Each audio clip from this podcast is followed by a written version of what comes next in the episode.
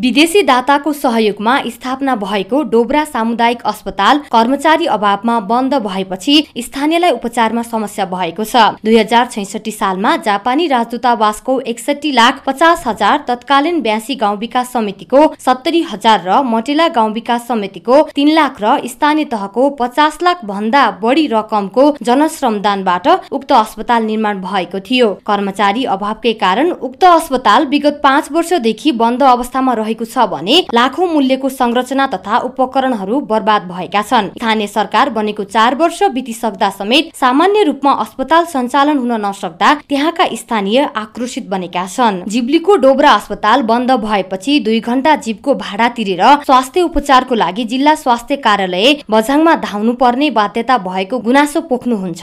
छब्बिस पाथिभेरा चार झुटेडाका कृष्णराज रेग्मी। जिब्लीको डोब्रा अस्पताल हो। त्यो पाँच छ वर्ष अगाडि बनेको अस्पताल हो।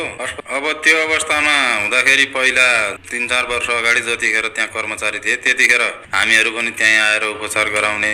अब सामान्य अवस्थादेखि अलिकति केही जटिल अवस्था भए पनि त्यो अस्पतालमा उपचार हुन्थ्यो। अहिले अब त्यो अस्पताल बन्द भइसकेपछि हामीहरूलाई उपचार गर्ने त्यहाँ ठाउँ छैन। त्यसपछि हामीले जिल्ला सदरमुकामको सिमखेत जिल्ला अस्पताल आउनुपर्छ। त्यो चाहिँ एकदम टाढा छ। त्यहीँबाट आउँदाखेरि पनि गाडीमा दुई घन्टा लाग्छ। हामीले दुई घन्टाको जिपको भाडा तिरेर बसमा टिकट काटेर यता आउनुपर्छ। अहिले त्यहाँ नजिक अब त्यस्तो स्वास्थ्य उपचारको लागि अलिकति समस्या भएको छ सम्बन्धित निकायले त्यो अस्पताललाई अब बनिसकेको त्यो सब संरचना हो होइन? त्यसमा सम्बन्धित निकायको ध्यान पुगेको छैन।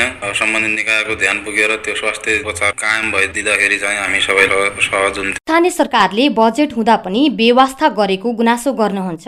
पूर्व व्यवस्थापन समितिका सचिव धनबहादुर राहुल।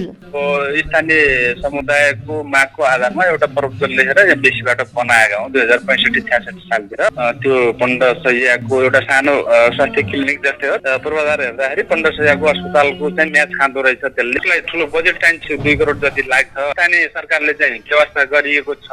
अलिअलि बजेट हुँदाखेरि पनि अब अन्य कुराहरूमा हामी समितिको चाहिँ लागिरहेछौँ हामी पहल पनि गर्दैछौँ है। पुनः बन्द छ अब फेरि हामी चाहिँ त्यो अब स्थानीयको माथिसम्म केन्द्रसम्म पैसा ल्याउने पहुँच पुगेन अब उनीहरूसँग स्रोत साधन पनि भएन अब प्रदेश सरकार स्थानीय सरकार अथवा त्यहाँका जनप्रतिनिधिहरूले व्यवस्था गरिदिए अब व्यवस्था गर्दाखेरि अब त्यसको हालत त्यस्तो भयो। त अस्पतालको झ्यालको सिसा फुटेको र पुरै घर नै जीर्ण बन्दै गएको दुखेसो पोख्नुहुन्छ फेरि कृष्णराज रेग्मी। अस्पताल बनिसकेपछि त्यो निजी तवरबाट एक दुई वर्षसम्म त्यहाँ केही कर्मचारीहरू बसे त्यसपछि निजी स्तरबाट धान्न नसकेपछि त्यो अस्पताल अहिले बन्द अवस्थामा छ। त्यहाँको उपकरणहरू अब झ्यालको सिसा फुटाएर अनि घर पनि अलिकति जीर्ण जस्तो अवस्थामा भइसकेको छ। कर्मचारी केही छैनन् अहिले खालि बाँझो घर मात्र छ त्यहाँ। स्थानीय सरकारको गैर जिम्मेवारीका कारण उक्त अस्पताल भैँसी गोठमा परिणत भएको बताउनुहुन्छ। छब्बिस पाथिभेरा गाउँपालिकाका स्थानीयवासी तथा राजनीतिक कर्मी समाजसेवी पाण्डव थापा।